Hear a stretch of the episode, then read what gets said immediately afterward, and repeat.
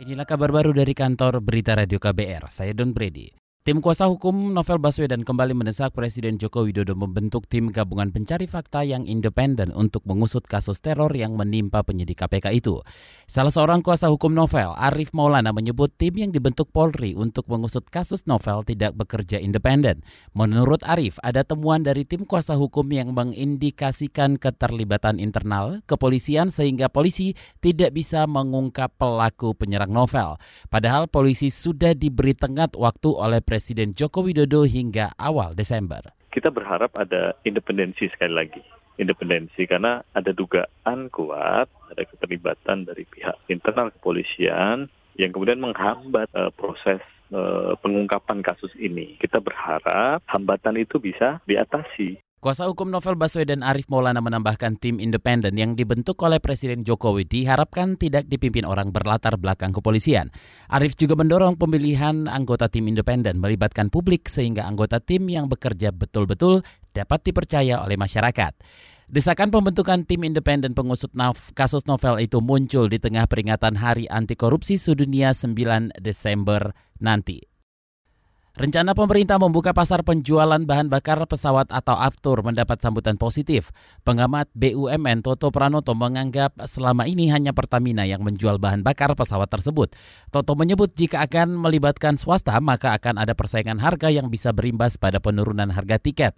Meski begitu, Toto Pranoto meminta pemerintah menyiapkan lebih dulu mekanisme penjualan yang adil bagi swasta dan Pertamina. Jadi kalau disamaratakan, misalnya ada sekarang pemain baru dibolehkan ikut divisi aftur ya bagus-bagus saja. Cuman jangan dikasih dia di wilayah yang gemuk aja gitu ya, di Jawa misalnya sekali-kali kirim juga ke wilayah timur sana, ke Papua, ke Maluku, justru operasi juga di sana. Jadi ngerasain bagaimana enaknya dan bagaimana tidak enaknya mengelola aftur itu. Jadi dengan begitu ada fair treatment lah kira-kira gitu ya. Itu tadi pengamat BUMN Toto Pranoto. Sebelumnya pemerintah berencanakan akan ada dua operator yang bisa memasok bahan bakar pesawat atau aftur di Indonesia guna menciptakan harga yang terjangkau. Menteri Koordinator Kemaritiman dan Investasi Luhut Panjaitan mengatakan perlu ada kompetensi penjualan aftur. Dia mempertanyakan harga aftur yang dijual negara lain bisa lebih murah dibandingkan dengan di tanah air. Adapun selisih harga aftur nasional dengan Singapura mencapai 35 persen. Saudara, hari ini indeks harga saham gabungan atau IHSG pada Bursa Efek Indonesia dibuka menguat 0,12 persen atau 7,21 poin ke level 6.194,08. Saudara, hari ini indeks harga saham gabungan pada Bursa Efek Indonesia dibuka menguat 0,12 persen atau 7,21 poin ke level 6.194,08. Jika dibandingkan nilai pada penutupan perdagangan kemarin, IHSG juga ditutup menguat 0,56 persen atau 6.186,87 pada 6 Desember lalu.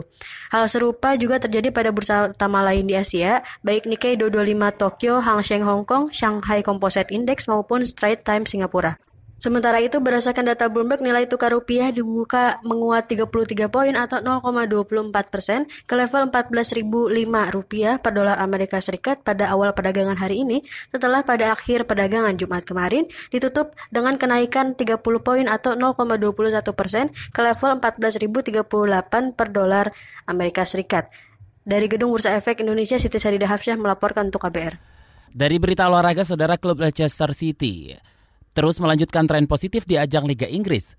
Leicester menang besar 4-1 melawan Aston Villa. Dengan hasil tersebut, tim asuhan Brendan Rodgers masih menempati peringkat kedua klasemen sementara Liga Inggris dengan raihan 38 poin dari 16 pertandingan. Ini merupakan rekor baru klub dengan 8 kemenangan beruntun di Liga Inggris. Leicester City masih menempel Liverpool yang ada di puncak klasemen dengan selisih 8 poin. Demikian kabar baru dari kantor Berita Radio KBR, saya Don Brady.